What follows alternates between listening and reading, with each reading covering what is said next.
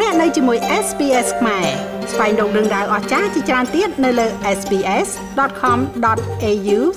ខ្មែរ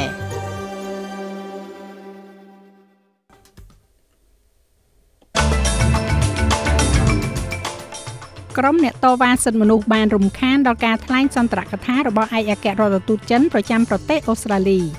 អភិបាលរដ្ឋ Victoria ថ្លែងអំណរគុណដល់រដ្ឋមន្ត្រីដែលបានលាលែងចេញពីតំណែង។ មានការកកស្ទះនៅតាមប្រលានយន្តហោះអូស្ត្រាលីខណៈដែលការឈប់សម្រាកពីសមកាលសិក្សាចាប់ផ្ដើមឡើង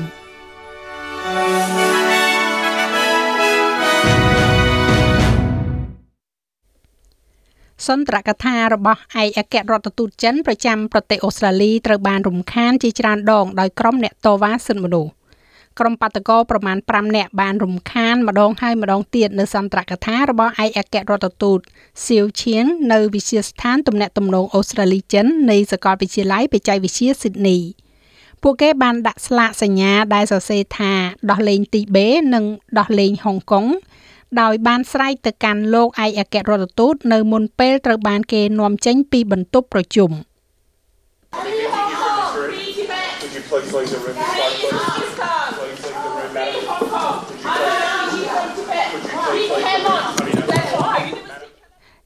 សំឡេងអំបញ្ញមិញនេះគឺជាការសំឡេងស្រែកនៅក្នុងបន្ទប់ប្រជុំដោយមានការស្រែកថាវាមិនអាចទទួលយកបានទេនៅក្នុងការផ្ដល់វេទិកានេះទៅឲ្យរបបផ្ដាច់ការប្រឡាយពូជសាសន៍ពួកគេកំពុងតែប្រព្រឹត្តអំពើប្រឡាយពូជសាសន៍នៅទីបេចសន្ទរកថារបស់លោកឯកអគ្គរដ្ឋទូតធ្វើឡើងបន្ទាប់ពីការបន្ធូរបន្ថយភាពតានតឹងផ្នែកការទូតបន្តិចរវាងចិននិងអូស្ត្រាលី ចាប់តាំងពីការដឹកនាំរបស់រដ្ឋាភិបាលលោក Albany មក។ នៅក្នុងចំណោមការវិវត្តថ្មីៗនេះគឺរួមមានទាំងជំនួបទល់មុខគ្នារវាងរដ្ឋមន្ត្រីការពារជាតិអូស្ត្រាលីលោក Richard Marles និងសមាភិកីចិនផងដែរលោកនាយករដ្ឋមន្ត្រីចិន Lee Keqiang ក៏បានផ្ញើសារអបអរសាទររបស់លោកទៅកាន់លោក Anthony Albanese ក្នុងការបោះឆ្នោតហើយក៏បានទទួលនឹងការឆ្លើយតបត្រឡប់មកវិញ។ ក្នុងសន្ទរកថារបស់ឯកអគ្គរដ្ឋទូតចិនប្រចាំអូស្ត្រាលីលោកលោកសៀវឈៀនបានហៅការវិវត្តនេះថាមានសារៈសំខាន់ខ្លាំងណាស់ The recent years of our relationship has been a ទំនាក់ទំនងរបស់យើងប៉ុន្មានឆ្នាំថ្មីថ្មីនេះគឺជារយៈពេលដ៏លំបាកមួយដែលមិនអាចប្រកែកបានយ៉ាងណាក៏ដោយគោលនយោបាយកិច្ចសហប្រតិបត្តិការមិត្តភាពរបស់ចិនចំពោះប្រទេសអូស្ត្រាលីនៅតែមិនមានការផ្លាស់ប្ដូរឡើយហើយសម្លឹងទៅថ្ងៃអនាគតទំនាក់ទំនងចិនអូស្ត្រាលីនឹងមានសក្តានុពលដ៏អស្ចារ្យសម្រាប់កិច្ចសហប្រតិបត្តិការនិងការរំពឹងទុកដ៏ភ្លឺស្វាងនេះជាសារដែលខ្ញុំនាំមកជាមួយខ្ញុំពីប្រទេសចិន។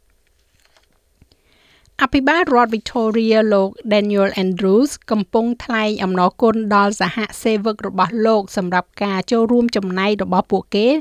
នៅក្នុងរដ្ឋនេះខណៈដែលពួកគេប្រកាសលាលែងចេញពីតំណែងរដ្ឋមន្ត្រីខាងកីឡាលោក Martin Pakula ឧបនាយករដ្ឋមន្ត្រីនិងជារដ្ឋមន្ត្រីក្រសួងអប់រំលោក James Merlino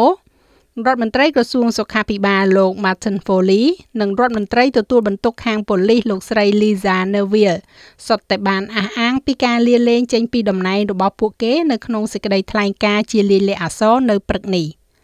លោក Andrews បានប្រកាសពីក្រុមអ្នកដឹកនាំមួយដែលឥឡូវនេះត្រូវបានបង្កើតឡើងជាមួយនឹងស្ត្រីច្រើនជាងពាក់កណ្ដាល។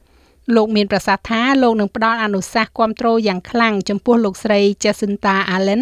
ឲ្យធ្វើជារដ្ឋអភិបាលរដ្ឋរងថ្មី នៅក្នុងកិច្ចប្រជុំបកនៅព្រឹកថ្ងៃសៅរ៍ស្អែកនេះលោកក៏បានថ្លែងអំណរគុណយ៉ាងពិសេសចំពោះលោកអភិបាលរដ្ឋរង ដែលកំពុងតែចាក់ចេញទៅរបស់លោក ដោយនិយាយថា ការសម្រេចចិត្តធ្វើឡើងនៅពេលវេលាដ៏ត្រឹមត្រូវ He's an outstanding person, a great Victorian គាត់គឺជាមនុស្សពូកែម្នាក់ជាពលរដ្ឋ Victoria ដ៏អស្ចារ្យគាត់ធ្លាប់ជា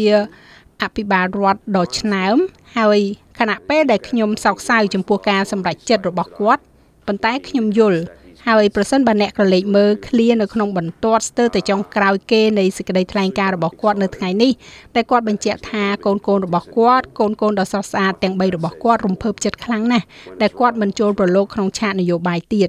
ខ្ញុំគិតថាវាបញ្ជាក់ពីអ្វីអ្វីទាំងអស់នៅពេលដែលត្រឹមត្រូវវាជារឿងដ៏ត្រឹមត្រូវសភា New South Wales នឹងធ្វើការស៊ើបអង្កេតលើស្ថានភាពជំវិញការតែងតាំងអតីតអភិបាលរងលោក John Barilano ឲ្យកាន់តំណែងនៅឯក្រៅប្រទេស វាត្រូវបានគេបង្ហាញឲ្យដឹងថាលោក Barilaro បានយកឈ្នះលើបេក្ខជនដែលមានលក្ខណៈសម្បត្តិគ្រប់គ្រាន់ជាងលោកសម្រាប់តួនាទីដែលមានប្រាក់ខែខ្ពស់ជាស្នងការពាណិជ្ជកម្មនិងវិនិយោគជាន់ខ្ពស់នៅទីក្រុងញូវយ៉កជាតួនាទីដែលរូបលោកផ្ទាល់បានបង្កើតនៅមុនពេលចុះចេញពីតំណែងជាអភិបាលរង។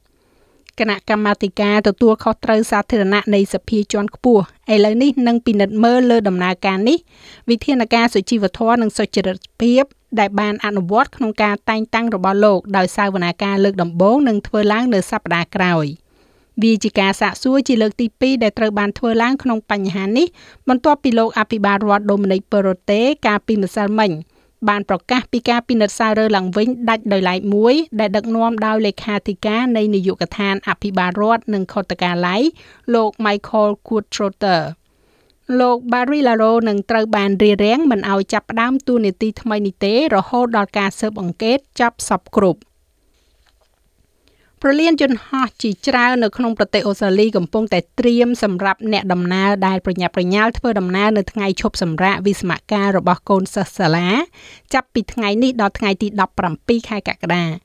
បុគ្គលិកកំពុងព្រមានដល់អ្នកដំណើរថានឹងមានការតម្រង់ជួរយ៉ាងវែងជាមួយនឹងមនុស្ស1លាន5សែននាក់ដែលគេរំពឹងថានឹងនៅអាកាសយានដ្ឋានស៊ីដនីដើម្បីធ្វើការហោះហើរក្នុងស្រុក។ អាកាសយានដ្ឋាន Melbourne ក៏កំពុងតែប្រមាណមើលនៅចំនួនប្រហាក់ប្រហែលគ្នានេះដែរជាមួយនឹងមនុស្សជាង2លាន1សែននាក់ដែលទំនងជានឹងឆ្លងកាត់ស្ថានីយ៍អ្នកដំណើរអតិថិជនជាច្រើនបានត្អូញត្អែតាមអ៊ីនធឺណិតអំពីក្រុមហ៊ុនអាកាសចរ Qantas ដែលធ្វើបាត់អីវ៉ាន់របស់ពួកគេហើយនឹងការពន្យាពេលជើងហោះហើរ ប៉ុន្តែបន្ទាប់ពីរយៈពេល2ឆ្នាំនៃโรគរាតត្បាតនិងការបិទគប់មកនោះហេតុផលទាំងនេះនឹងមិនអាចបញ្ឈប់អ្នកដំណើរមិនឲ្យធ្វើដំណើរក្នុងពេលឈប់សម្រាកលំហែកាយទៀតនោះទេឯអគ្គរដ្ឋទូតនៃប្រទេសខ្លួនរបស់អាហ្វហ្គានីស្ថានប្រចាំប្រទេសអូស្ត្រាលីនិយាយថាវានឹងពិបាកនៅក្នុងការសម្របសម្រួលកិច្ចប្រឹងប្រែងផ្ដល់ជំនួយក្រោមរបបតាលីបង់បច្ចុប្បន្ន។ ប្រទេសនេះបានជួបគ្រោះរញ្ជួយដីដ៏សាហាវបំផុតក្នុងរយៈពេល2ទសវត្សរ៍មកនេះដែលជាការរញ្ជួយដីកម្រិត6.1 Richter ដែលបណ្ដាលឲ្យមនុស្សជាង1000នាក់បានស្លាប់ហើយក្រុមជួយសង្គ្រោះនៅតែបន្តស្វែងរកអ្នកនៅរស់រានមានជីវិតនៅឡើយ។ លោក Wadi Bula Waisi បានប្រាប់ SBS News ថាគ្រោះមហន្តរាយចុងក្រោយគេបង្អស់នេះ បានបន្ថែមភាពស្មុគស្មាញថ្មីមួយទៀតដល់សេដ្ឋកិច្ចដែលកំពុងតែជួបការលំបាករបស់ប្រទេសនេះ ការព្រួយបារម្ភអំពីការប្រែប្រួលអាកាសធាតុនិងបញ្ហាអសន្តិសុខស្បៀង។ the whole system has collapsed so that is very difficult and that's ប្រព័ន្ធទាំងមូលបានដួលរលំដូច្នេះវាពិបាកខ្លាំងណាស់ហើយជាមូលហេតុដែលចំនួនអ្នកស្លាប់និងរបួសកំពុងកើនឡើងដោយសារតែមនុស្សដែលស្ថិតនៅក្រោមគំនរបាក់បែកនៃភ្នំនិងថ្មពួកគេនៅតែមាននៅទីនោះហើយត្រូវការជំនួយជាបន្ទាន់។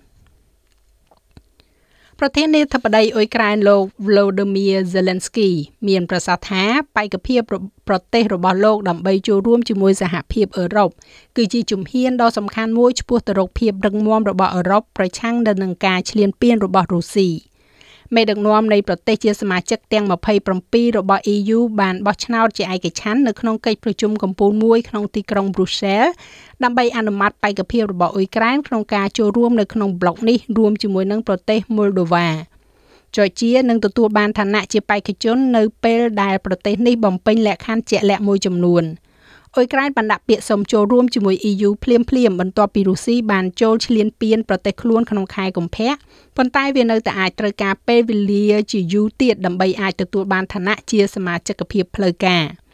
ថ្លែងតាមរយៈវីដេអូ link ទៅកាន់កិច្ចប្រជុំកំពូលលោក Zelensky បានថ្លែងអំណរគុណដល់មេដឹកនាំសហភាពអឺរ៉ុបសម្រាប់ការសម្រេចចិត្តរបស់ពួកគេ។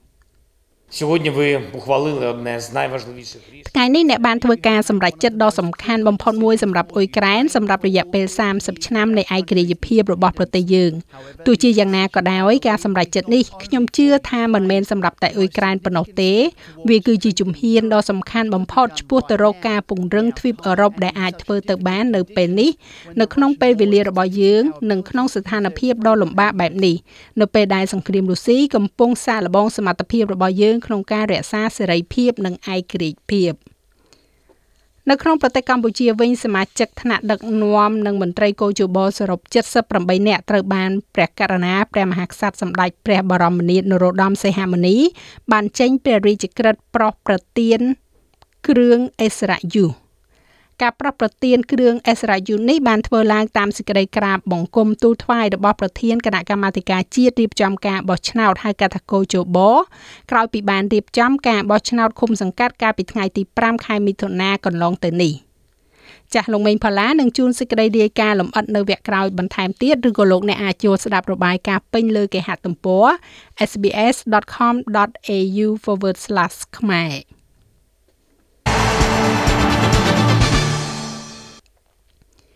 នៅក្នុងកីឡាបាល់បោះកីឡាករ Dyson Daniels នឹងចូលរួមជាមួយនឹង Zion Williamson នៅ New Orleans ក្នុង NBA កីឡាករអូស្ត្រាលីដែលជាខ្សែការពាររូបនេះត្រូវបានជ្រើសរើសនៅលេខ8ក្នុងការប្រកួត NBA Draft កីឡាករវ័យ19ឆ្នាំមកពី Bendigo រូបនេះបានធ្វើដំណើរផ្សងព្រេងដ៏អស្ចារ្យមួយទៅកាន់ការប្រកួតកីឡាបាល់បោះដ៏ធំបំផុតនៅលើពិភពលោក ដោយមិនបានឆ្លងកាត់មហាវិទ្យាល័យ US និង NBL នោះទេ តែជំនួសមកវិញលោកបានអភិវឌ្ឍខ្លួនលោកជាមួយនឹង NBA Academy នៅទីក្រុង Canberra លោកក៏បានចូលរួមនៅក្នុងក្របខ័ណ្ឌ G League លំដាប់ទី2របស់ NBA កាលពីរដូវកាលមុនផងដែរ។ ការជ្រើសរើសនេះធ្វើឡើងបន្ទាប់ពីការជ្រើសរើសរបស់តារាអូស្ត្រាលីឆ្នាំមុនមុនដែលរួមមាន Josh Giddey, Josh Green និង Ben Simmons ចំណែកឯអត្រាប្តូរប្រាក់វិញនៅថ្ងៃនេះ1ដុល្លារអូស្ត្រាលីមានតម្លៃប្រមាណជា69សេនដុល្លារអាមេរិកត្រូវនឹង2800រៀលប្រាក់រៀលខ្មែរ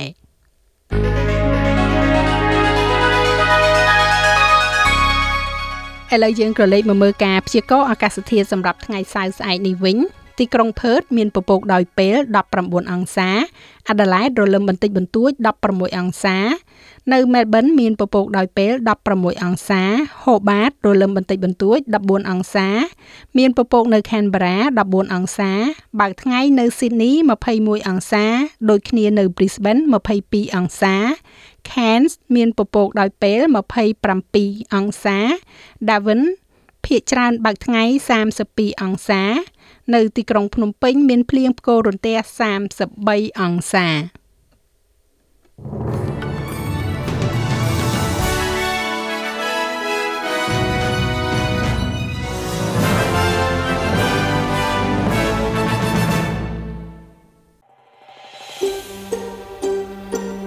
ង់ស្ដាប់រឿងរ៉ាវបែបនេះបន្ថែមទៀតទេ ស្ដាប់នៅលើ Apple Podcast Google Podcast Spotify ឬកម្មវិធីដទៃទៀតដែលលោកអ្នកមាន។